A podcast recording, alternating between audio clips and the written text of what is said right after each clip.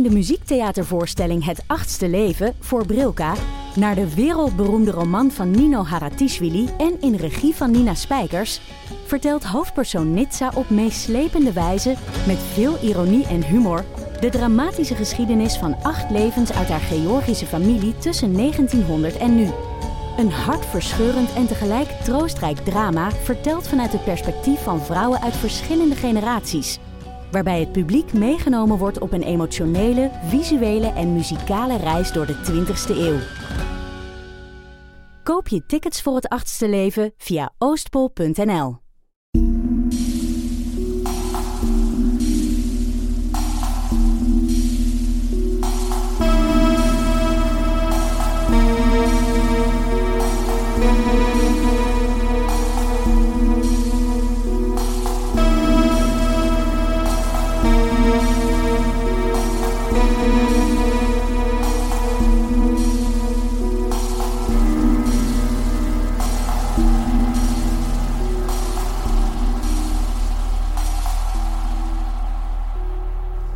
Welkom bij aflevering 97 van de Volksjury. Wij zijn Laura en Silke. Oh my god, nog drie en het is zover. Het is zover. Dan zijn we 100. Allee, 100. Ja, dan zijn we 100 afleveringen oud.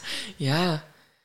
Ja, proficiat alvast. Proficiat alvast, we zijn er bijna niet opgeven aan de eindmeet. Hè? Stel u voor dat we nu zeggen, jongens, bye, dit was Bye, het. tjaukes, bijkes. Nee, dat gaan we niet doen. Hoe is het op een schaal van 1 tot 10? Hoe moe ben jij? 12,5. Verklaar u dat. Ehm, ja, het, is, eh, het zijn heel heftige weken geweest voor mij.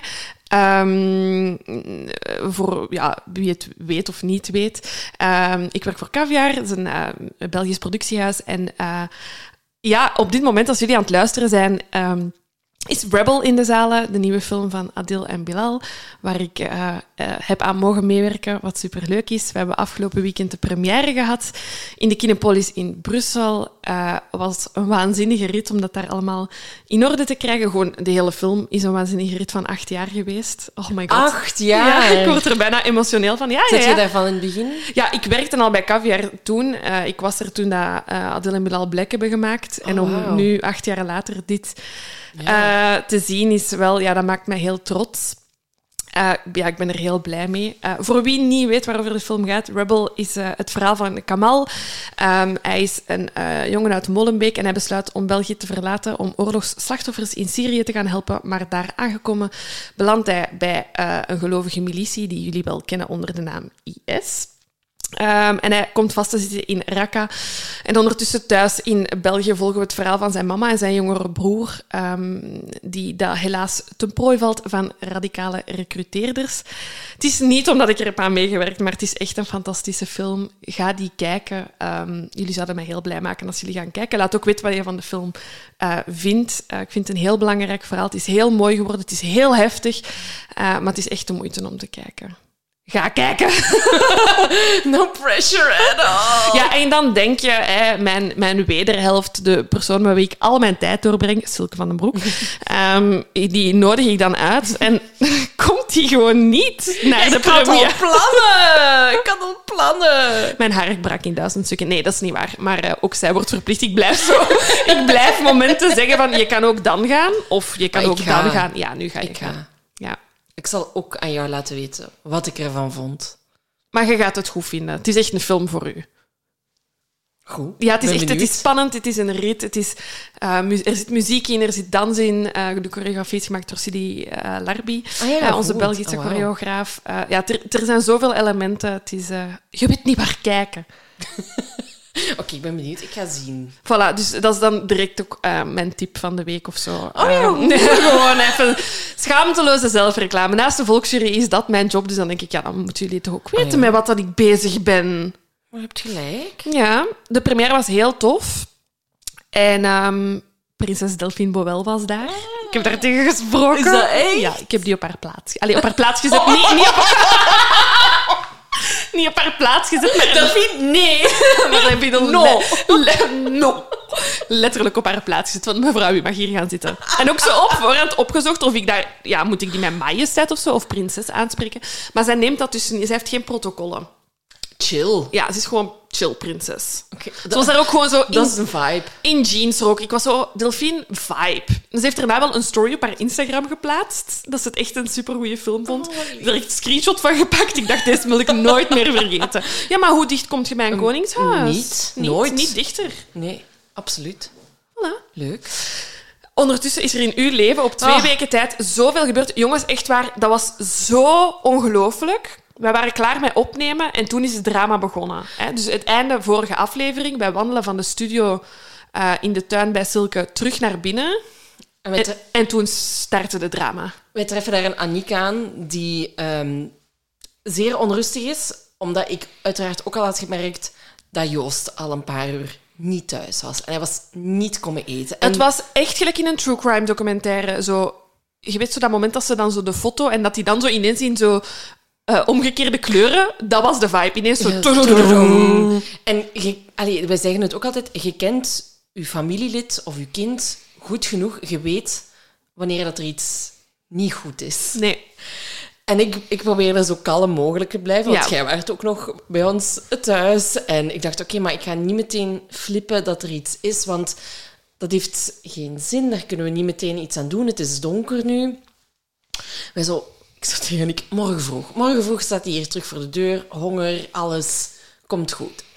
De volgende dag, geen Joost. En ik zo, oh, dat meent je niet. Ik was, allee, ja, en, ja, geprobeerd u... De vorige keer dat Joost weg was, of er was toen met Mia, zijn we echt zo geflipt daarop. En nu dachten we alle twee, we gaan dat niet doen. We gaan alles proberen onder controle te houden.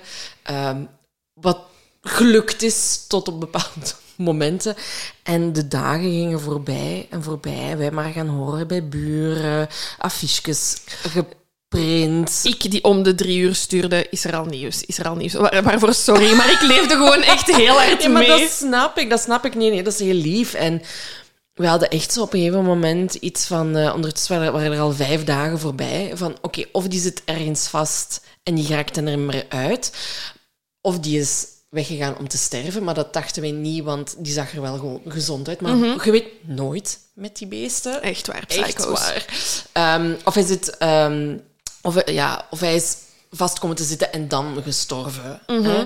Ehm, en de vorige keer dat hij weg was... Ja, bon, dit is echt weer een kattenverhaal voor de liefhebbers. Ja, maar, ook even, jongens, ik vraag dus al dagen, want ik heb het uiteraard onmiddellijk een brief gekregen als hij, als hij terug was. Het is een happy end, by the way, spoiler alert.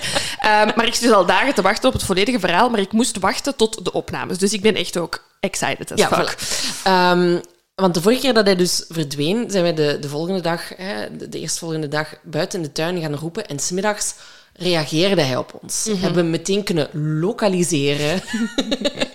en zo van, ah ja, oké, daar, re- reddingsactie. Hè, Ik heb het hier ook wel eens verteld. Maar nu kwam er niks. Er kwam, en wij zo, fuck, ja, die is echt, ja, die is dood. Hè? Maar dat is zo contained. De, allee, zo Mhm, denken zo van, die is dood, maar zo proberen geen emoties daarbij te voelen.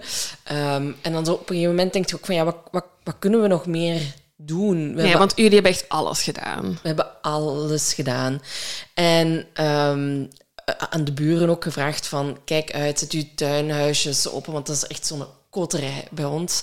Ehm, ga af en toe een keer zien. Maar niks. En ja, echt zo... Oké, ja, die, die gaat niet meer, niet meer terugkomen. En dan ik beslist op een gegeven moment om te gaan joggen.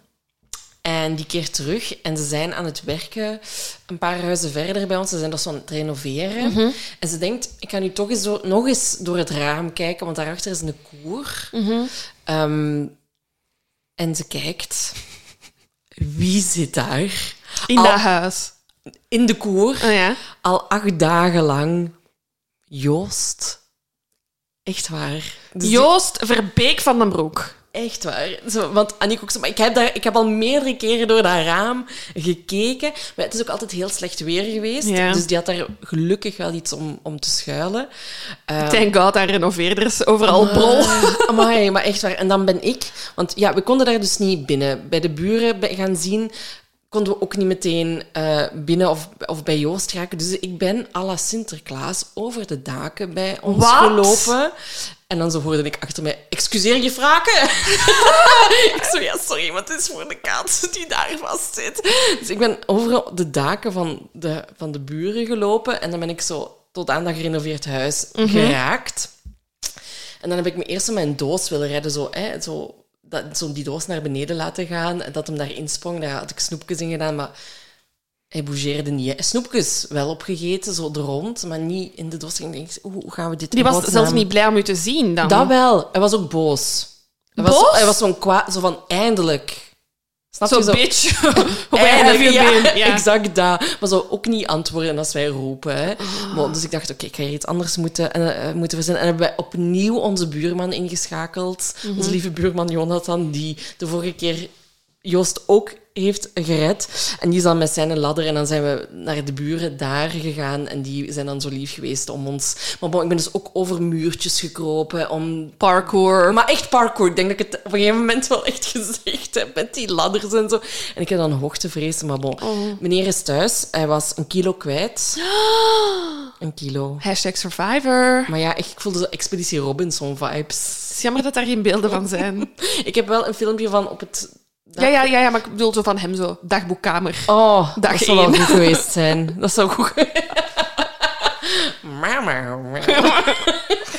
En die trutten zijn nog altijd niet gekomen. Eh, maar we zijn naar de dierenarts geweest en dat was oké. Hij moet nu gewoon terug een beetje aansterken. Hij heeft wel huisarrest. Ja, maar best. Even niet buiten van ons. Ehm, hij is veel aan het slapen, hij is aan het bekomen. Hij komt zoveel knuffelen. Oh. Blij dat hem thuis is. Wij blij, iedereen blij. Welkom thuis, Joost. Fucker. Ah, maar echt waar. Maar dat je gewoon denkt van... Hoe kan het nu dat hij niet reageert? En ook wat heel zielig was... ehm, zijn nageltjes waren zo afgeveild omdat hem zodanig veel heeft Had ge- geprobeerd, geprobeerd ja. om dat koertje Te ja, eruit, te, ja. eruit te springen. En in heel veel van die koertjes staan dingen waar dat hem op kan springen en zo. Maar hier is hij gewoon ingevallen en er, er stond niks waar dat op kon springen om terug het muurtje over te gaan. Dus die nageltjes zo helemaal Oh. bot. Ja, heel zielig. But he's fine now. Niet te doen. Joost, echt waar. Jij bent ook een deel van mijn slaapprobleem. Ja, het zal Just so you know. dus ja, dat was... Dat was allee, Laura, rebel, fabulousness, whatever. En ik zo op daken aan het klimmen en parkour. Met een fucking kat die het... Ja... Love him, hè. Maar echt waar. Dat je denkt, jij Love him, love him, hate him. All at the same time. We hebben nog wel iets leuks gedaan. Ja, we hebben wel iets leuk gaan. We zijn, ja, twee dingen eigenlijk. We zijn gaan schrijven samen aan zee. Ah, ja, ja, ja. Eh, dat was wel met Joost. Joost drama. Dus Ja. we hebben veel gefilosofeerd op het strand over. Over rouw en, De en, huisdieren. en, en huisdieren en zoektochten. Ehm, maar dat heeft weer goed gedaan, dat weekendje zee. Maar de zee is sowieso altijd, hè. Altijd goed. En dan vandaag hebben we eh, dus weer eens onze opnames moeten eh, uitstellen. Deze keer voor een eh, podcast die we zijn gaan opnemen bij de VRT. Een aflevering van Snapt je mij nu? Een podcast eh, gehost door eh, Aurélie, waarin dat zij elke keer een onderwerp voorlegt ehm, aan een expert, mensen die er iets mee te maken hebben, ehm, en een eh, fan, allee, of toch iemand die er interesse in heeft. eh, of toch, dat was de opzet bij ons. En het ging over true crime, hè, eh, of dat, dat het consumeren van true crime, waarom je dat doet, waarom dat het je interesse is, ehm, wat er gevaarlijk aan is, wat er niet gevaarlijk aan is. Wie luistert er naar true crime of kijkt er naar true crime? Was gezellig en komt deze zaterdag online. Ja. Voilà. Was heel leuk. Ja, was leuk. Ehm, Iris eh, was de true crime fan. Eh, luisterde gelukkig ook naar ons. Ja, love it weer om, om, Om mensen te Om ontmoeten. mensen te ontmoeten. Ja. Lore, de criminologe, die... eh, Heel lieve ons dingen zei over ons. Ook, en we hebben ook weer zoveel geleerd Amai. van haar. Ja, heel interessant. Ja. Ja. dus dat was fijn. Daar Dus ga je- er naar luisteren en dan ongetwijfeld gaan jullie ook dingen bijleren. Ja, en dit weekend, als jullie nu aan het luisteren zijn op donderdag, dit weekend is het onze live show in Gent. De try-out. We doen daar een try-out. Een hint, hint, try-out. Ehm, leuk, is helemaal uitverkocht. Hebben we wel heel veel zin in om jullie weer te ontmoeten. Ja, wel spannend. Heel spannend. Maar wel heel veel... Ja, we gaan dat gewoon doen, hè. Wordt, wordt leuk. Wordt leuk. Eh, verder nog iets? Heb jij nog een Ehm, tip of iets dat je hebt geluisterd deze week? Ik, eh, ja, ik ben wel naar Killing Eve eindelijk eens beginnen Ah, kijken. leuk, ja. Leuk. Op eh VRT Max moet je Tegenwoordig, ja. Staan de vier seizoenen. Leuk. Ja, Fan van Sandra Oh. ja. Spannende ook. Allee, leuke, zo... eh, Grappig. Grappig, en, maar zo voor het seizoen. Ik vind dat zo voor dit seizoen een hele goede Ah, dat is wel goed. Ja, ja, ja absoluut. Zo herfstig. Ja, het is grappig, moord. Leuke characters, moet Ja. ik het zeggen. Ja, leuk. Ja. Voor nu, voilà, dat was mijn, mijn kijktip dan. Oké, ja, de mijne is nog altijd Rebel. Vanaf 5 oktober in de Ja, zaal. we weten het nu. Bon, afleveringske. Ik mocht kiezen ehm, en ik heb hem... eh, het is een zaak dat ik niet kende, maar in mijn hoofd sluimerde. ehm, Ja, hoe? wel door Radio 2. Ah ja. Eh, die hebben deze zomer een reeks over mysteries gedaan. Eh, dus zo lokale mysteries die zij dan gingen oplossen. Ehm, en zo bij terechtgekomen. Ja, leuk. Een heel interessante zaak. We zijn januari 1937 in Genk, België. En het is... Ja, ik wou, het- ik, wou het niet, ik wou het niet doen. Kijk, voilà, daar heb je hem dan. Als Limburger wordt dat misschien vergeven als je dan zo... en het is vrijdag tegen de middag en ehm, Louis Box, eh, afkomstig uit Waterschei, Genk... Waterschei. Ja. Sorry, ik ga stoppen. Moet Louis op een speciale manier worden uitgesproken? Nee, nee, nee, absoluut Nee, niet. gewoon waterschei. Oké. Waterschei Genk. Ehm, en die is te voet op weg naar Diepenbeek. Is dat ver van elkaar? Ja, volgens mij wel. Volgens mij is dat wel echt een eindje. Oké. Hij is te voet op weg naar Die- Diepenbeek, want hij gaat daar werk zoeken aan het kanaal. Ja, ze waren toen, fun fact, het Albertkanaal aan het uitgraven. Uitgraven. Ah, en, en, hij wou en hij gaan helpen. daar gaan helpen. ja. Oké, voilà, kijk.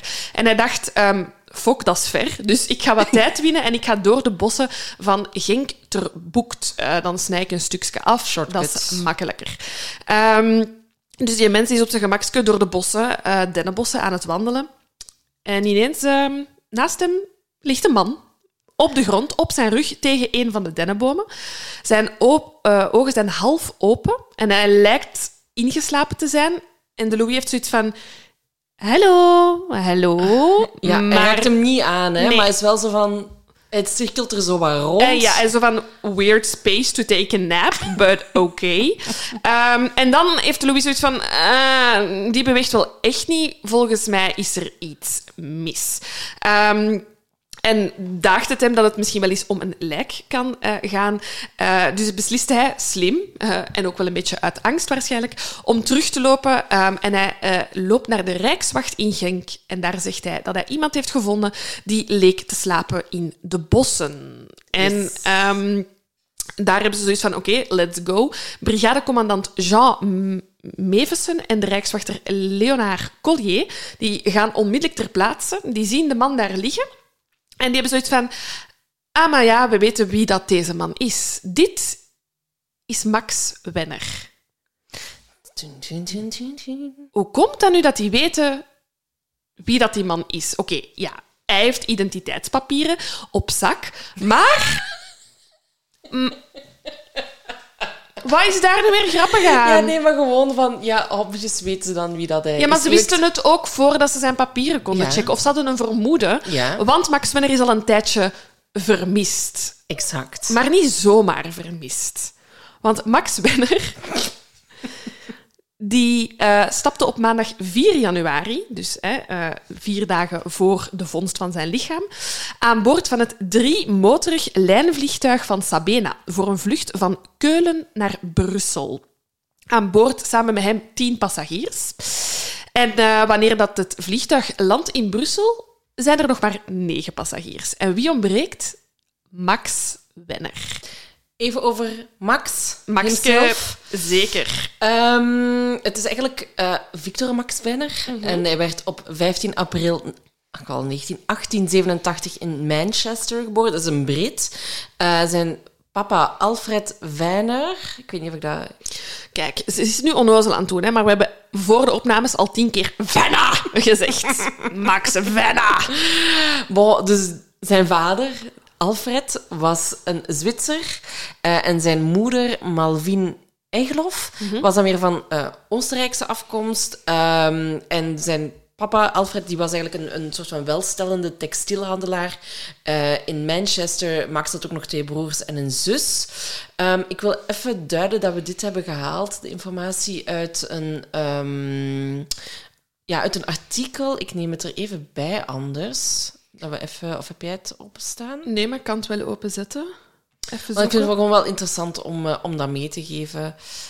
Ehm, pom, pom, pom. Ja, ik heb, dus ik heb enerzijds mijn research gebaseerd op eh, Radio 2, eh, wat ze daar over die mysteries hebben geschreven. En dan anderzijds een... Hier, ja. Ah, jij hebt het staan? Ja, ik heb het nu opstaan. Burp. Wacht, hè.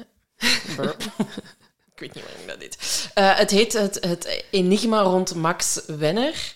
Ehm, en dat is, ja, er staat hier niet meteen bij eh, eh, van wie het is. Ehm, Het is geschreven door de heemkundige kring, toch? In ja, Genk? ja, ja, inderdaad. Dus het zijn eigenlijk mensen die in hun vrije tijd, mag ik dat zo zeggen, een beetje net zoals wij obsessief bezig zijn met geschiedenis. En iemand van die heemkundige kring, kring heeft onderzoek gedaan naar ehm, Max Wenner. Weet je, we pluggen het er nog wel in Ja, wie, wie het artikel heeft geschreven. Eh, either way, ehm, bedankt daarvoor om dat allemaal zo mooi Ja, heel te interessant. Ehm, maar ehm, daaruit eh, komt ook naar voren dus dat eh, Max tijdens de Eerste Wereldoorlog luitenant-piloot was bij de Royal Air Force, eh, waar hij ja, mee gevochten heeft aan het IJzerfront, hè, Mhm. hier in, in België. En dan in 1922 trouwde hij met Martha Alice Dolly Spinner. Mhm. En ze gingen eigenlijk samen op een landgoed wonen in de West Midlands. Ja, En, laat ons even stellen, eh, Max Wenner en vooral ook zijn eh, ouders zijn heel rijk. ja heel hè? rijk, hè? Ja, ja, ze zitten- in de textielindustrie in Manchester. Ehm, en hij heeft bijvoorbeeld met zijn vrouw op het landgoed Batchcot gewoond. Ehm, ja, mega groot. Eh, hij nodigde daar regelmatig vrienden uit voor jachtpartijen. Ehm, er waren twee vliegtuiglandingsbanen op het landgoed. Bon, pak dat dat best wel ruim was. Ja, en hij was zelf ook een succesvol industrieel en noemde zichzelf Lord van Stratton-on-Dale en Rathinghope, om maar mee te geven. Het enige wat ik daarvan eh meepak, Silke, is dat je jezelf Lord kunt noemen. Dus Ja, ik dacht, ja, dat is een titel dat je moet krijgen. Nee. Nee, dus dan zijn als wij... het van Max afhangt, niet, nee, dus Nee, dus wij kunnen ook Lord van Stratton-on-Dale zijn. graag zelfs eigenlijk. Want Doet wat- jij dan Rattling Hope of Stratton-on-Dale? Oké, Stratton-on-Dale, alsjeblieft. dan ben ik Lord van Rattling Hope. Ja, prima. Ehm, Laura zei al van dat hem eh, ook nog eh, die, die gebieden ehm, bezitten. Eh, maar hij was ook een fervent natuurliefhebber, blijkbaar. En Ja, natuurlijk, als je al die gebieden hebt. Ja, en een sportvisser, by Ja. the way, ook. En ehm, hij heeft, was ook amateurcineast. Echt een man van alle markten. Heeft heel, een paar opmerkelijke natuurfilms gemaakt, Ja. eh, blijkbaar. Ehm, maar op een gegeven moment ja, is er toch wel een tristesse in zijn leven. Want zijn vrouw Dolly... Ah, ik dacht dat... Ah nee, je ging nog iets anders. Nee, nee, nee, dat hij van die bijzondere eh, natuurfoto's en films maakte, waaronder zo eh, slangen die werden opgegeten door vogels en Ja, zo. Ja, juist. dat je dat triestig vond voor die slangen. Is het ook? Ja, tuurlijk, tuurlijk. ook. Maar dus de, de dood van zijn vrouw is natuurlijk triestiger. In 1936, inderdaad. Ehm, en ik heb dan zo het gevoel, zo de vibe van eh, dat een man in die tijd zichzelf niet kon onderhouden. Dus vijf... In die tijd mag weggelaten worden. Ehm, dus een half jaar later, op 30 december 1936, verlooft hij zich eh, met de Duitse Olga Buchenschutz. Ja, zij komt uit Essen ehm, en ze verloven zich op 30 december 1936. Ehm, wat dus maakt dat amper, amper vijf dagen na zijn verloving met Olga hij dus ja, ineens verdwijnt van op een lijnvlucht. Ja, en het is eigenlijk... ehm, ja, de, de pers springt daar natuurlijk op. Hè. Ehm, Terecht. En het, het belang van Limburg, uiteraard. Ehm, ik, ik, schrik, de- allee, ik schrik, ik verbaas me daar altijd over dat die kranten al zo lang bestaan. ja, ja. ja. Ik vind dat een heel maf idee. Eh, maar goed, des te beter natuurlijk. En die schrijven ook daarover. over en eh, die... die dat staat dan zo in het, in het artikel wat dat we gelezen hebben. kwam als eerste Vlaamse krant met een accurate verslaggeving. ja die En- waren ter plekke. die, ja, voilà. Hè. En daar, daarin wordt geschreven dat Max hè, eh, pas enkele minuten op voorhand eh, in het vliegtuigje stapte voordat het opsteeg. Ehm, dat de piloot eh, kort voor de landing radiocontact had gehad met de vluchtleiding in Brussel. En dat hij had gerapporteerd dat er een lichte schok was geweest. Ehm, maar verder geen verklaring daarvoor. En dat hij toen hij op het vliegtuig in Everen landde, ontdekte dat er een passagier minder aan boord was en dat het om Max bleek te gaan. Maar dat het ook niet bepaald kon worden waar en wanneer Max uit het passagiersvliegtuig verdwenen was. Nee. De eh, andere reizigers van dat vliegtuig worden uiteraard ondervraagd. Ehm, en zij bevestigen inderdaad dat Max als allerlaatste in Keulen is opgestapt. Echt enkele minuten voordat de deuren zich sloten. Dat hij zich ook achteraan eh, een plaats echt zo, ja, aan, aan, de, aan de gang had... ehm, ja, Aan de bij- doorgang, aan de doorgang was gaan zitten. Ik, eh, zeker bij, de, bij het beeldmateriaal had ik een foto van het vliegtuig tonen. Veel plaats is er. Er is ook echt alleen maar plaats voor tien mensen. Ja. Dus eh, dat was het. Ehm, passagiers hebben hem iets op een papiertje zien schrijven. En ehm, kunnen ongeveer zich herinneren dat hij een half uur voor de aankomst in Brussel eh, is opgestaan en naar het achterste deel van het vliegtuig is gelopen en eh, niet meer is teruggekomen. Sommige andere reizigers herinneren een bonk te hebben gehoord, maar zij gingen ervan uit dat dat de deur van het toilet was dat eh, toe is geslaan. Dat is dan misschien ook wat, dat die, wat dat de piloot heeft doorgegeven, hè? dat hem die bonk Ja. voelde. Ja, ehm, maar dus niemand op het moment tijdens de vlucht heeft niemand zich vragen gesteld over waar hij was. Of het viel toch niet op dat hij er niet meer was. Maar dus sinds die vlucht maandag is hij vermist. En eh, als ze dan terugtellen, een half uur voor de landing in Brussel. En dan ineens vinden ze in Limburg, wat dan op een half uur van vogelvlucht moet zijn van Brussel, eh, vinden ze een lichaam. Eh, dus de politie daar, of de Rijkswacht daar, doet 1 plus 1 is 2 en zeggen, dit moet wel Max Wenner zijn. Ja. Ehm, er gaan, ze vinden hem dan. En er gaat ook een procureur ter plaatse, een wetsdokter, een onderzoeksrechter en zijn griffier en de burgemeester. Uiteraard. Wetten voor de zekerheid. Je weet maar nooit wat die een mens Nee. kan betekenen. Nee, nee. Ehm, en ja, daar, ze, ze hebben hem dan inderdaad eh, gevonden. Ehm, en ze komen tot de, de vaststelling dat ehm, inderdaad eh, zijn armen uitgestrekt naast zijn lichaam eh, lagen. Ja. En dat hij zijn kleren nog aan had. Het was, ik vond de omschrijving fantastisch. Prachtig. Ik zag het zo voor mij. Maar echt waar, een grijsachtig sportkostuum, een modern, voor die tijd, bruin hemd met eh, witte boord, een bruin zijden sjaal, gekleurde sokken en blinkende zwarte schoenen. En die waren allemaal niet vuil of gescheurd. Enkel de knopen van zijn jas waren afgerukt. Mhm. En eh, de boord was zo wat losgerukt Ja. ook. Maar eigenlijk om uit een vliegtuig Te vallen. te vallen, helemaal in orde. Vooral, bij mij is het vooral die schoenen en die sjaal. Mij lijkt het, eh, en ik moest zo direct denken aan... Oké, dit gaat een- misschien een belachelijke referentie zijn, maar als je in een achtbaan gaat of in een kermisattractie, is het toch zo... Je doet je schoenen uit en, en de sjaal en je De handtas. schoenen ook. Soms toch wel? Als je zo echt een heftige Ja, ja, kermisattractie... Echt zo goed voor, voorgegeven. Voor de zekerheid. Voor de zekerheid, Allee, of als je zo sandaletjes aan hebt, Ja, dan doe je dat uit. Het feit dat die schoenen nog aanzitten, die sjaal nog Ja, ja, ja. gebonden is, dat lijkt alsof hij daar gewoon is neergelegd. Ja, ja straks. Straks. Straks, Nu, ehm, Max wordt meegenomen met paard en kar voor verder onderzoek. Ja. Eh, en een vriend kan hem dan uiteindelijk ook positief identificeren. Hè? En dan worden er een paar bevindingen gedaan. Mhm. Ehm, dus de dokter ehm, heeft ter plaatse eerst al een klein onderzoekje gedaan. Hè? En tegen alle verwachtingen in heeft hij eigenlijk vastgesteld dat er dat hij niks gebroken had. Er was niks gekneusd. Hij had enkel een paar schrammen op zijn voorhoofd.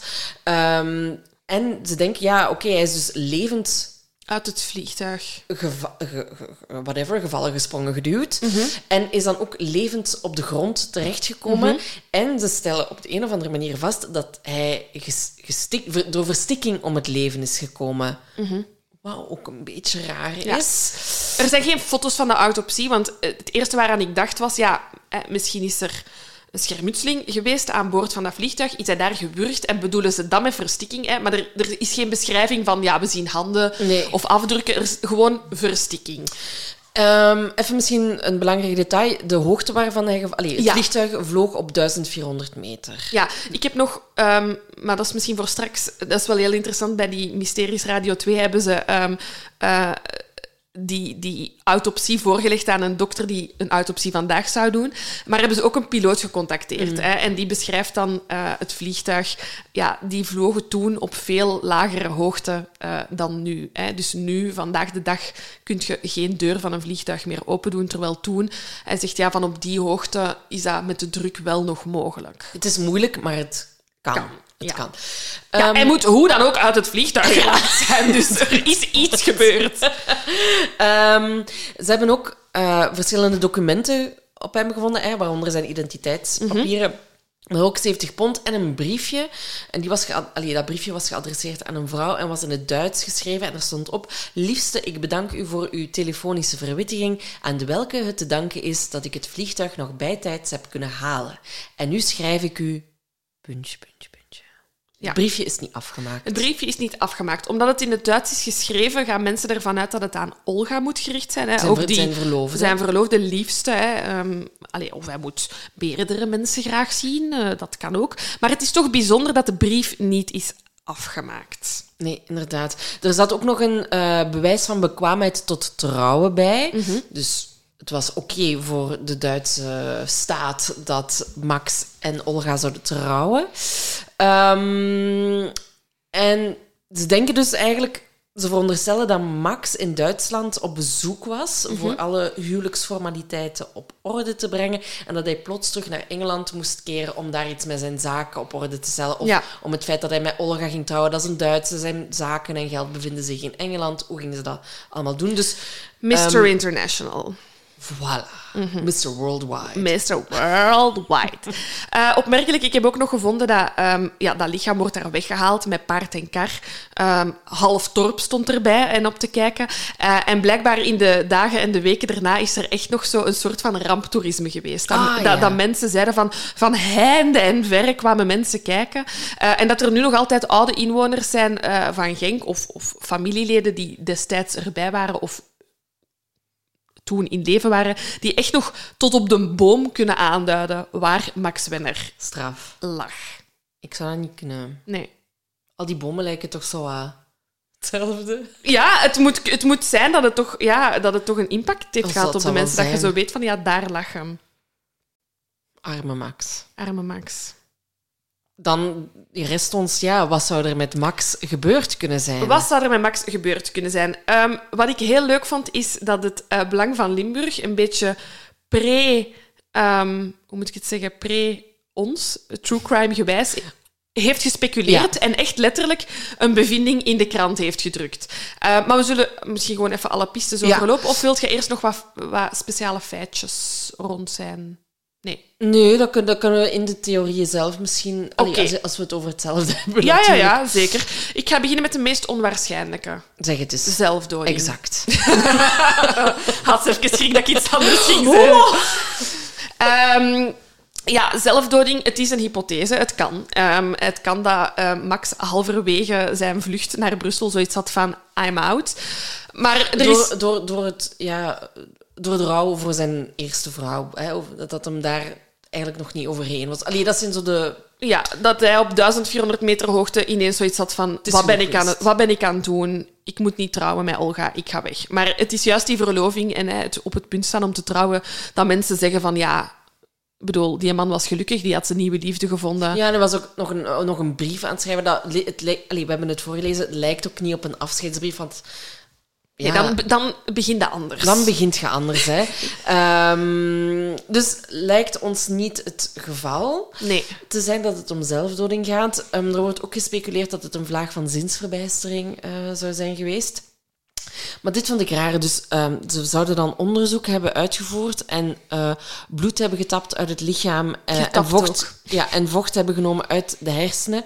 Wat al dan niet zou uitwijzen of Max krankzinnig zou zijn geweest. Kijk, krankzinnig was toen een hot and happening term. Oh. Oh, Jesus Christ. En ik bedoel, dit is een tijd waar eh, lobotomieën nog werden gedaan. Exact, ik wou het Ehm, ook net zeggen. eh, ik denk dat we op dat moment nog niet eh, stonden waar we nu staan in de eh, medische psychologische eh, kennis die we hebben.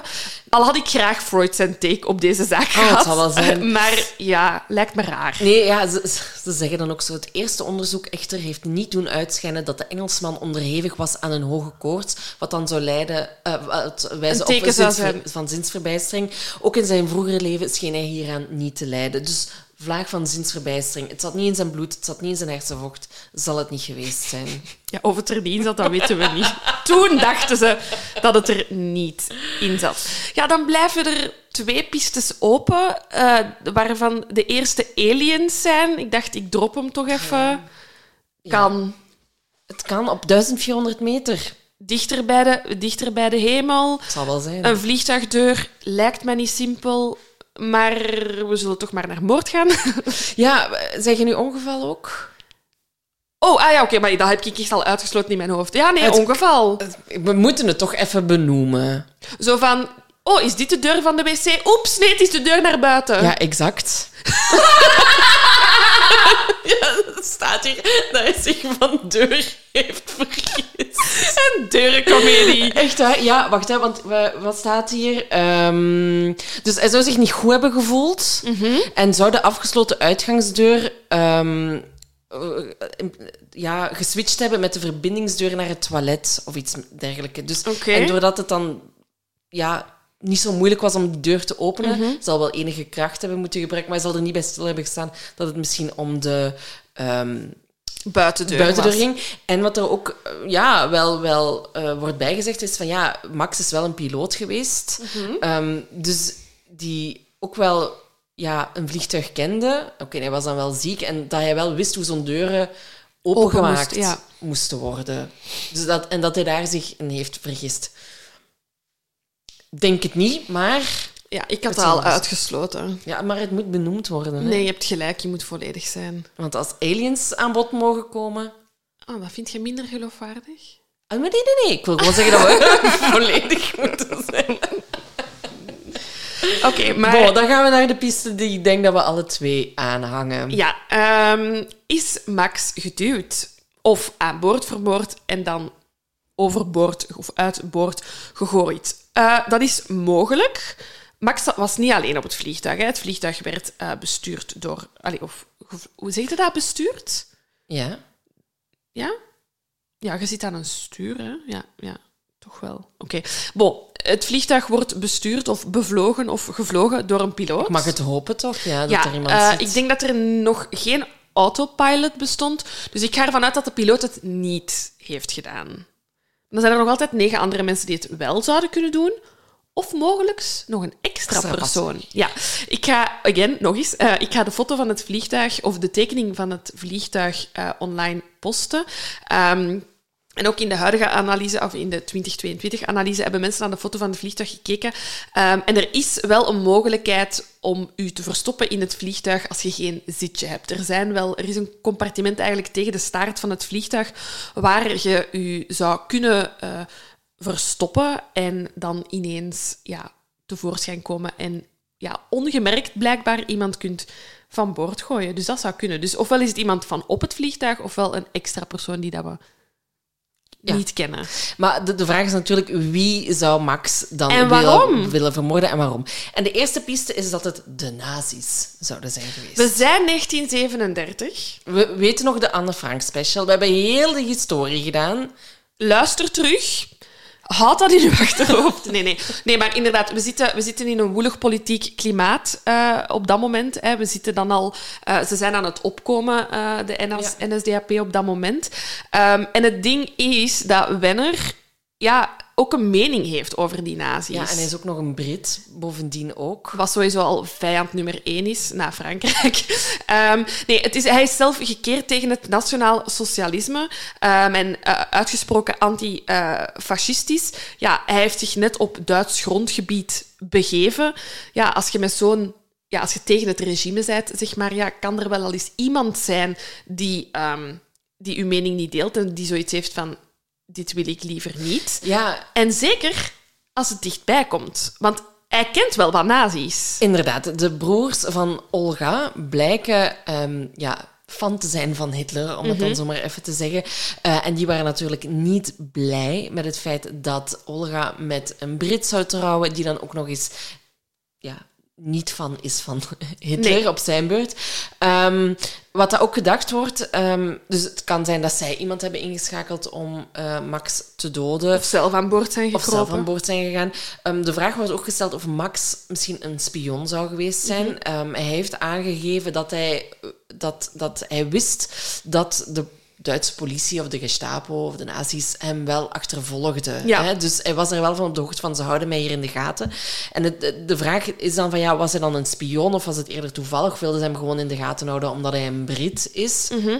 Maar ja, het maakte hem verdacht omdat hij heel vaak heen en weer Ja. reisde tussen Duitsland en Engeland. Hij reisde ook nog eens naar Zwitserland. Allee, zo naar, naar gevoelige plaatsen. Ja, ja het, is een, het is een rijke man. Hè. Hij, hij, heeft een, een, een, allee, eh, hij behoort tot de elite. Hè. Hij zit daar op een groot landgoed. Hij heeft vrienden overal in Europa. Net voordat de nazi's in Duitsland aanwezig zijn, ja, heeft hij Duitse vrienden die hij regelmatig uitnodigt op zijn landgoed. Dat zullen ook wel mensen zijn van enige betekenis of van enige komaf. Ja, hij zal wel een gekend figuur zijn in die tijd. Ja. Ehm, dus het is niet raar dat zo iemand ja, in het oog springt en dan, als die zich dan verlooft met een, een, een, een, een Duitse vrouw, ja, dan, dan, kan dat wel al eens, dan kunnen die wel al zoiets hebben van oh, we gaan ons Duits bloed toch niet laten eh, vertrekken naar Engeland en met de, ja, met de vijand laten slapen. Ja, dus het is, inderdaad. ik vind het geen gek gegeven. Nee. Eh, wat ook raar is, nog een, een, een raar feitje, is dat hij afgezet is door een taxi aan de luchthaven. En er zat een vrouw bij. Een Ja. blonde vrouw, geloof ik dat het Ja. was. En ze weten niet, was dat Olga? Of was dat iemand die hem ook zogenaamd in de gaten moest houden, omdat hij een spion was? Ja. Of wie was die vrouw? Ja, dat is nooit naar voren gekomen wie die vrouw is. Mij lijkt dat het niet Olga is, want die zou dat toch... Ik bedoel, ik ga ervan uit dat zij vrij snel op de hoogte is van uw toekomstige is uit het vliegtuig gevallen, geduwd, ge- Mm. Gesprongen. gesprongen. Ja, dan... Als zo'n dingen dan worden gezegd, dan zegt jij toch... Ah, maar dat was ik. Ik, wou, ik heb hem Ja. afgezet op de luchthaven. Maar Ja. daar is geen duidelijkheid over. Ik denk ook niet dat zij het is, want hij schrijft nog in, in zijn briefje bedankt voor het telefoontje, want Mhm. daardoor heb ik het vliegtuig gehaald. Dus zij was niet bij hem op het moment dat hij het vliegtuig genomen heeft. Nee. Was hij aan het aanpappen met nog een Duitse vrouw? Ja, maar dan... En hadden die nazi's zoiets van één tot daar aan toe, maar Maar geen twee. Nee, dus, Kan ja. zomaar. dus er zijn wel dingen die voor mij verband houden, allee, of die, die goed Ja. Passen in, in het verhaal van het zouden wel eens ehm, de Duitsers geweest kunnen Ja. zijn. Iets wat dat tegenspreekt, is dat, eh, een feit dat pas in 2006 eh, naar boven is gekomen. Namelijk het landgoed ehm, van Max eh, in Engeland. Dat onder, ondertussen trouwens een B&B Ja, goed? Eh, dus je kunt er gaan slapen, je kunt er ook iets eten. Dat is in 2006 ja, in, in, in nieuwe handen gekomen. Die mensen hebben dat hele huis gerenoveerd. En zij hebben daar verschillende ehm nazi-symbolen teruggevonden. Ehm, dus ja, eh, servies, geloof ik, met, de swas, met de, het, het hakenkruis met swastika op. ehm, die daar ja, verstopt zaten. Ehm, Maar ja, daar maak ik dan toch ook al meteen de bedenking bij. De, de, de nazi's hebben pas echt van 1940 tot 45 eh, hè, waren, zij aan de macht. Het kan even goed zijn dat er iemand na de dood van Max naar die, wat nu Ja. de B&B is gegaan, met, met dat servies. Ja, dat, of- hoeft, dat hoeft niet per se van Max te zijn. of is hij naar de buitenwereld toe antifascistisch, maar heult hij eigenlijk mee met de nazi's? kan ook. Ik laat het in het midden. Maar, ik, Maar jij wilt hart- gewoon heel graag dat de nazi's hierachter zitten. je moet hierin zitten. Kwaad omdat ik dat heb gezegd van dat servies. Heel mijn theorie om zeep. Oh, ik had het gewoon genegeerd in mijn research. Kijk, jij hebt enkele minuten geleden nog gezegd dat alles gezegd moet zijn. Nee, ik geef het gewoon mee dat dat gevonden is. Dat is belangrijk om te Ja. zeggen. Eh, een andere eh, theorie over wie dat het gedaan zou kunnen hebben. ehm, ja, dan komt de familie eigenlijk wel in beeld van Max. Want ja, Max was een rijke man. Veel geld, een grote erfenis. Ehm, had dus, geen kinderen met had- zijn eerste vrouw. exact. Dus ja, ehm, als hij zou overlijden, zou de erfenis grotendeels gaan naar zijn twee broers en zijn zus. En amper een week na de begrafenis van Max ehm, gaat heel veel geld van hem van, naar zijn verloofde en naar Olga, 2000 pond. En de rest van zijn fortuin was ongeveer 30.000 pond. Oeh, dat is een wezenlijk verschil, hè? Ja, die gaat naar, eh, dat gaat naar zijn broers en zus. Eh, een goede vriend en jachtpartner krijgt trouwens een jachtgebied van 1700 hectare. Chill. Ja, Ja, geef mij dat gebied. Ja, geef mij dat gebied maar. Voilà. Dus, allee, er zijn dan moorden gepleegd voor minder. Het ding is ook... Het is zo opvallend dat het vijf dagen na die verloving gebeurt. Ja. Dus zo dichtbij dat ik... Dat, voor mij is het gewoon... Zo van, van nu, het was nu, nu of nooit. Ja. Hmm. Dat is een goed, goed punt. Ja. Dat vind, ik, dat vind ik het opvallendste. Het is amper vijf dagen na die verloving. Ik vind het gewoon nog altijd waanzinnig dat het op een fucking vliegtuig gebeurt. Ah ja, zeker. Nu, ik, ik, als ik nadenk over of dat het de familie zou kunnen Mhm. geweest zijn, dan denk ik dat ze misschien pas zouden hebben toegeslagen als er ook daadwerkelijk pas een nakomeling zou zijn gekomen. Of, hè, of dat ze zoiets hadden van, ja... ehm, Maar ja, van, nee, want als het huwelijk... Vanaf dat die getrouwd waren, ik ga ervan uit dat, Ah, zo. dat zij alles... dat zij alles zou krijgen. Ja.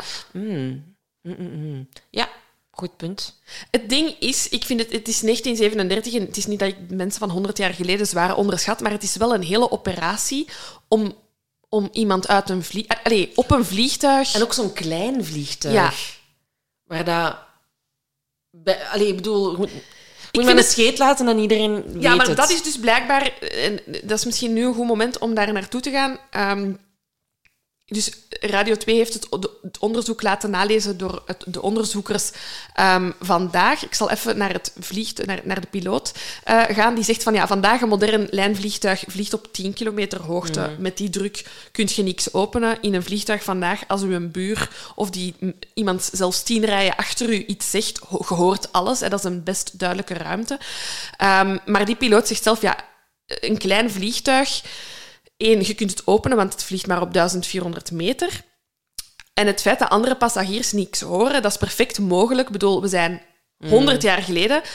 Dat is een vliegtuig, hè, dus voor vliegtuig-nerds. Het is de Savoia Marchai S73. Het is gemaakt van metalen platen en die rammelen.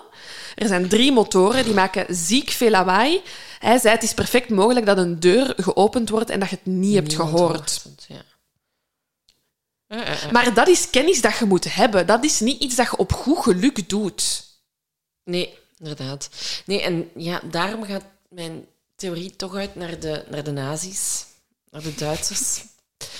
Omdat ja, die hebben die kennis, die hebben de middelen om, om zoiets in orde te brengen. En wat blijkt, de piloot is, heeft zich achteraf ook aangesloten bij de SS. Die Ja. heeft dikke promotie gemaakt Ja. binnen de SS.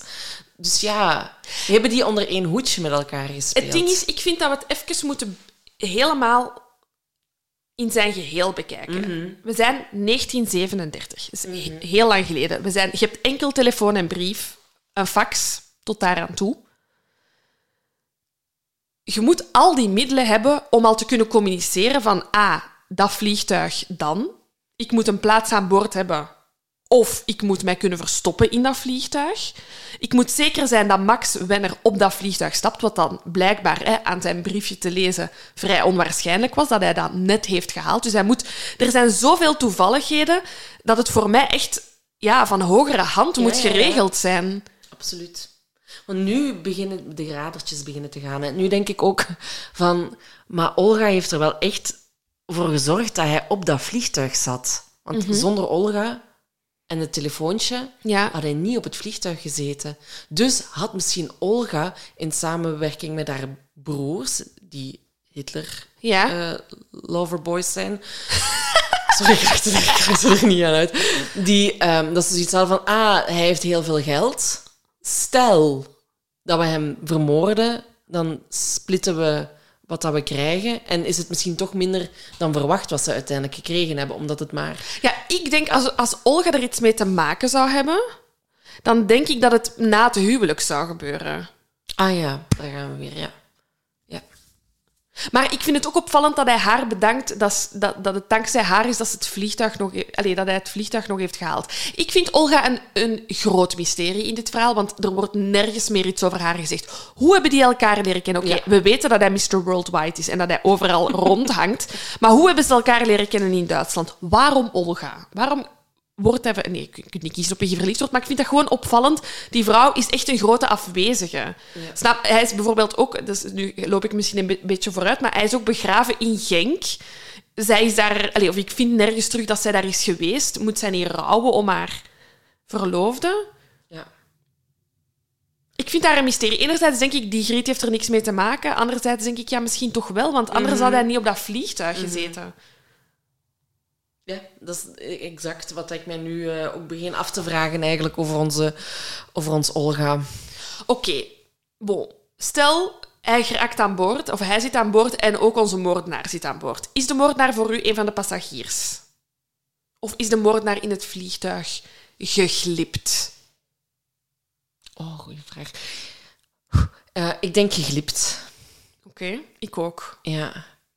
Ja, ik denk dat het misschien te, veel, te opvallend zou zijn geweest. De andere, de andere passagiers misschien wel hadden gezegd van, ah ja, maar de dien Als is er ook... tien, van de tien twee naar Ja. achter lopen... Inderdaad. Dus ik denk dat er iemand dus dus daarachter heeft gezeten, wat dus blijkbaar wel kon, Ja, in samenspraak met de piloot. Jij, ja, jij, jij bent wel kwaad op de piloot, Ja, hè? fucking SS'er, man. Meer met... Nee, ja, nee, ik denk echt dat het, dat het die kant... eh, Oké. Ik die voel, er- ik voel er ook wel iets voor. dat het met die kant te maken heeft. Ehm, en dat... eh, ja, dat die dan op een gegeven moment tevoorschijn is gekomen of dat hij gewacht heeft tot aan Max naar het toilet moest of weet ik veel wat. Daar van achter waar heeft een scherm... Want zijn knopen waren wel weg, hè, allemaal weg. Jij denkt dat er gevochten is. Ja, of een kleine schermutseling. Want ik geloof in eh, gif of bedwelmend product. Ah, wel, ja, dat denk ik ook. Ik denk dat Ja. hij bewusteloos van het vliegtuig is gevallen. Ja. Ah, wel, ik denk dus dat hem die bij zijn kraag heeft moeten Grijpen. grijpen. Mhm. En dan dat daar even iets is geweest. Ik denk voor een echt gevecht, je kunt mij zeggen wat je wil, drie motoren, ijzeren platen, dat je dat wel hoort. Dus ik geloof niet dat er een zwaar gevecht nee, is geweest. maar een schermutseling. Want er was ook iets in... Er was ook een Een stoel. stuk stof kapot, ja. ja. inderdaad. Dus er moet iets geweest zijn. En dan kan het inderdaad goed... Want hij voelde zich ook onwel, hè. Maar hoe weten we dat hij zich onwel Dat, voelt? dat staat in de... In, in de... Maar waar heeft hij dat gezegd tegen zijn buur? Ik voel mij onwel, ik ga naar het wc. Maar, wa- hoe ik het heb begrepen... Wacht, waar staat dat? Waar We zijn dit samen aan het uitzoeken. Deze zaak wordt opgelost tegen het einde van de aflevering, jongens. Ehm. Ah, hier. Toen Max... In, ik lees het nu even voor uit de, hoe Ja. dat het in het artikel stond van het Belang van Limburg eh 100 jaar geleden. hè. 100 miljoen jaar geleden het belang van Limburg. Toen Max in het vliegtuig gezeten was, heeft de verborgen man een tamelijk snel werkend vocht gebruikt dat Max ongesteld moest maken. Nou, Dat is de theorie van het belang van Limburg dat je aan het lezen bent. ja, maar Max, een Duitse heer en een Duitse dame zijn immers naar de wc moeten gaan wijl een Engelse dame flauw gevallen is. Dus dat weten ze blijkbaar wel. Oh, er was al drama op het ja, vliegtuig. apparently. Apparently. Apparently. Oké. En dan is Max opgestaan om naar het toilet te gaan, omdat hij moest kotsen of weet ik veel wat. En dan heeft, de, heeft daar iemand hem opgewacht. Dus, maar er zou een bepaald... Ja, wat is dat dan? Vocht in het vliegtuig moeten gespoten zijn geweest. Vind ik een beetje raar. Dit vind ik moeilijk, omdat, want, want al die andere passagiers waren zo... Ah ja, we weten niet wat er gebeurd is, maar er is dan wel van alles gebeurd aan boord. Ja, of het heeft niet iedereen... Ja, bon, het is een theorie. Ja. Maar ik vind het wel frappant dat ze dat zeggen, dat er ook andere mensen zich onwel hebben gevoeld. Is dat toevallig? Is Was dat- er turbulentie? was er turbulentie? Ja, dat kan daar ook mee te maken hebben natuurlijk. Hè. Oké, ik heb nog een vraag voor u. Mhm. Wat een leuke aflevering is dit. Eh, wat met de halve brief? Was hij die aan het schrijven? Is hij dan onwel geworden? Waarom stopt je in het midden van een brief? En echt met een cliffhanger, hè? Ja. ja, ik denk dus dat hij onwel is geworden op dat moment. Ehm, of dat iemand hem onderbroken heeft om een babbelke te doen. Je weet hoe dat gaat op vliegtuigen. Zoiets misschien. En dat hem dan dacht, ah, ik zal straks nog wel verder schrijven. Of ik zal het ik- straks op de post doen. Ik denk niet dat het briefje op dat moment zo belangrijk is. Van, dat hem dat toen geschreven heeft. Hij had dat ook kunnen schrijven als hij in, als hem in Brussel geland was of terug in Engeland. Van, hey Olga, lieve schat, bedankt, by the way. Thanks, babe. Mhm, mhm. Ik vind het opvallend dat je dat briefje aan het schrijven bent en dan denk je, oké, of je wordt onderbroken, maar dan heeft hij dat ook in zijn broeks... Allee, hij, heeft dat broek, dat, hij had dat briefje op zak, toch? Mhm. Allee, ik weet dat er nog geen uitklaptafeltjes bestonden waarop je dat kon achterlaten, maar ik vind het zot dat je dat dan meepakt in je zak, Ah, zo, op die half manier. geschreven.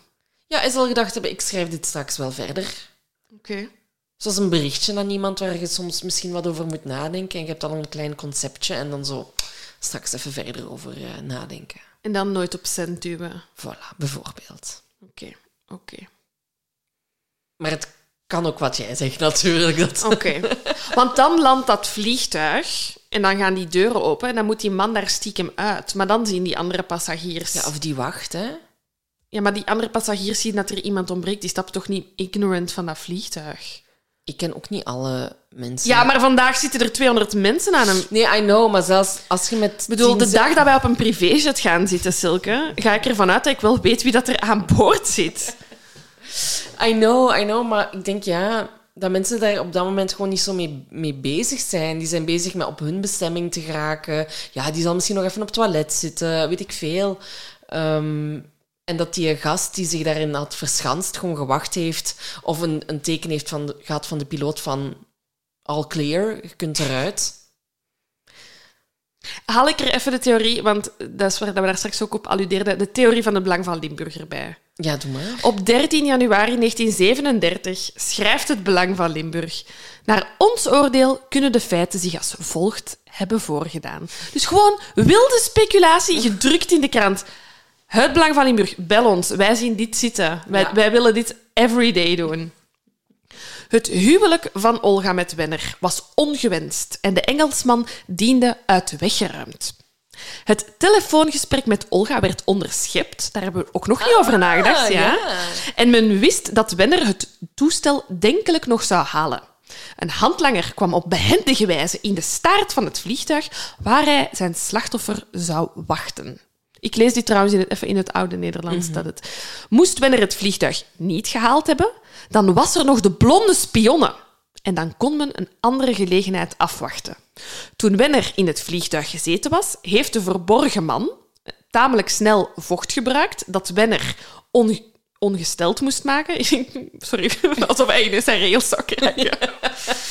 Wenner, een Duitse heer en een Duitse dame zijn immers naar het... Ah, dat weten ze. Oké, Ja, dus dat van dat eh, bedwelmend middel, dat is een gok. Maar ze weten wel dat er een Duitse dame en Wenner een keer naar de wc Ja. zijn moeten gaan. Oké. Wenner is dan in de opschikkamer verrast geworden. In een kleine worsteling is de wc verplaatst geworden en is de kool van Wenner lichtjes losgeraakt. De aanvaller heeft dan Wenner buiten gestompt. De Engelsman heeft zich nog willen redden en in deze poging is het linnen van het vliegtuig gescheurd. Dat is onze veronderstelling. En verder onderzoek zou wel eens kunnen uitmaken dat wij de bal niet ver mis hebben geslagen. Oké. Zelfzeker much. Maar bij mij rijst dan de vraag... De, de wetsdokter zegt, hij leefde nog toen hij op de grond terecht kwam en hij is gestikt. Oké, maar ik denk dat... ehm, Klein foutje gebeurd. ik denk dat het Belang van Limburg heeft gespeculeerd, maar ik ben er ook zeker van dat de wetsdokter eh, Muug wat heeft gespeculeerd.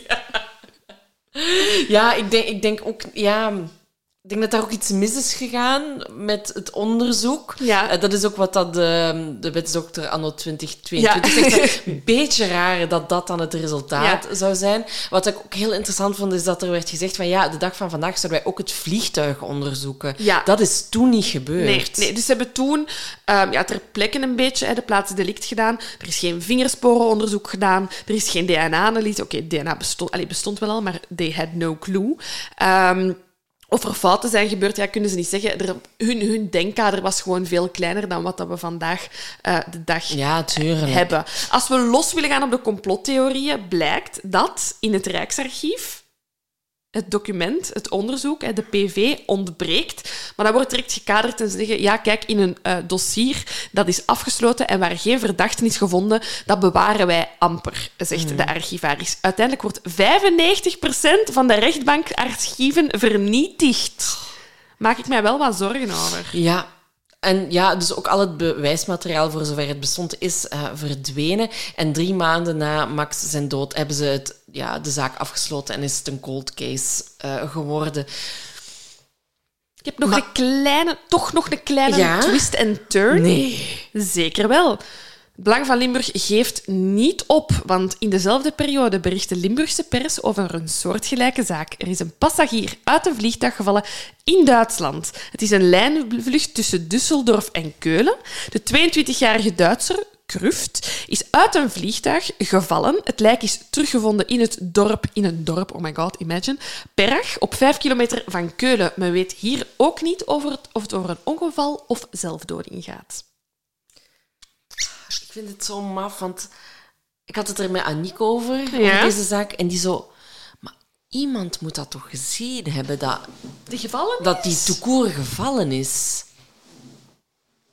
Want van het vliegtuig. Uit het vliegtuig. Maar ja, hij valt van. Eh, dus de deur van het vliegtuig destijds zat achteraan. Ja. En het vliegtuig vliegt maar vooruit. Iemand, iemand die beneden staat ah, op de grond, hè? Maar het ding is, eh, in 1937 kijken mensen niet naar boven. Allee, ik bedoel, het leven speelt zich beneden af. Ja, en het was, hij is natuurlijk ook in een bos In een bos gevallen. Hij had zowaar in het Albertkanaal kunnen vallen. Ah, ja, ja, ja, ja, ja, ja, ja. Ja, Loes van die, van die een tweede gast. Ook uit Keulen. Ja, er zit toch, er ik zit denk toch dat we, achter. Ik denk dat we dat politieke klimaat echt, echt wel in achting kunnen ja, nemen. We zitten tegen die Tweede Wereldoorlog. Oh, maar kunt je je dat voorstellen? Dat je gewoon chill het vliegtuig wilt nemen en voordat je het weet, word je er gewoon uitgeschot. Het ding is, vliegtuigen zijn al niet mijn forte. mijn forte. um, het, een van mijn grootste, echt wederkerende uh, nachtmerries Eén is, en dat heb ik al sinds kind, dat ik met een auto moet rijden en ik heb mijn rijbewijs niet. En een tweede is dat ik op een vliegtuig zit waar het, uh, de bovenkant ineens weg is en dat dat oh. open lucht is. Oh. Dus ja, ik heb regelmatig nachtmerries over vliegtuigen. Perfecte zaak dan. Maar ja... ja ik denk dat er hogere, allez, hogere krachten, hogere machten ja, ja. Uh, spelen. Hogere aliens? Ik sluit aliens nooit uit, dat weet je. Maar um, het is gewoon jammer dat er zo weinig bekend is over de mensen die erbij betrokken zijn geweest. Ja, ons en Olga meer had details. graag. Ja. Um, maar het feit dat hij rijk was, uh, het feit dat hij een Brit was die anti... Tegen de nazi's. Tegen de nazi's was. Hij kwam in een schoonfamilie terecht... Uh, de, ja, die ook niet echt kosher was, om het dan zo te zeggen. Oh, dat is goed. um, maakt dat, dat ik toch wel echt blijf vasthouden aan de Duitsers. En of er dan al dan niet iemand um, in het vliegtuig extra zat, uh, ja, dat laat ik dan nog in het midden. Maar ik denk het wel. Ja, ik denk het ook. En dan inderdaad, ja, bedwelmd is. Lof de analyse van het Belang van Limburg. Ja, goed. Goed gedaan. Een goede, goede, journalistiek gewoon. Ja. Um, voor de geïnteresseerden, het graf van Wenner staat in Genk nog op de begraafplaats. Het is verplaatst in 89, maar... Um, Dankzij de leden van de heemkundige kring uh, die de concessie uh, hebben verlengd, is de steen verplaatst. Het graf zelf is geruimd, dus zijn lichaam is er niet meer. Um, en echt heel specifiek. Op de stedelijke begraafplaats in Gent, Genk Centrum ligt op de eerste rij rechts, achter het erepark van de oudstrijders, het klein perkje H, met enkele historisch waardevolle stenen. En daarvan is eentje het grafmonument van onze Max Wenne. Zo in Genk. Of all places. Ja, maar weet je wat? Het had maar eens in Vlaams-Brabant moeten gebeuren. Wij hebben zo geen strijders gelijk het Belang van Limburg. Hè? Rob TV.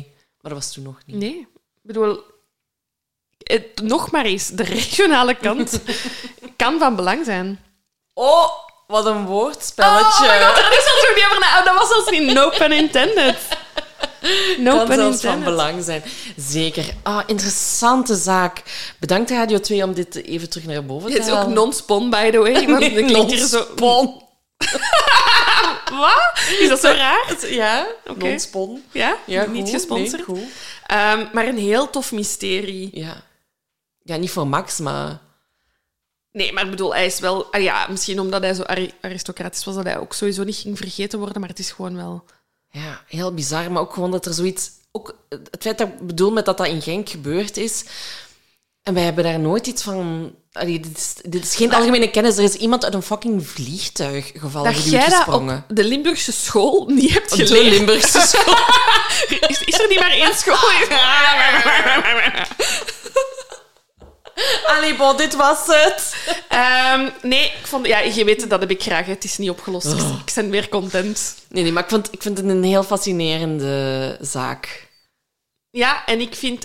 En, ja, dat het telefoontje onderschept zou zijn, daar hebben we zelfs nog niet over Ja, nagedacht. nee, Ook nee, nog wel een goeie. Zoveel mogelijkheden. Laat ons weten wat jullie denken. Ja, arme Max. Tot de volgende keer. Tot de volgende. bye. bye. Nog even over die grootse en epische muziektheatervoorstelling. Het achtste leven voor Brilka is een marathonvoorstelling van 5 uur. Koop je tickets voor deze bijzondere theateravond via oostpol.nl.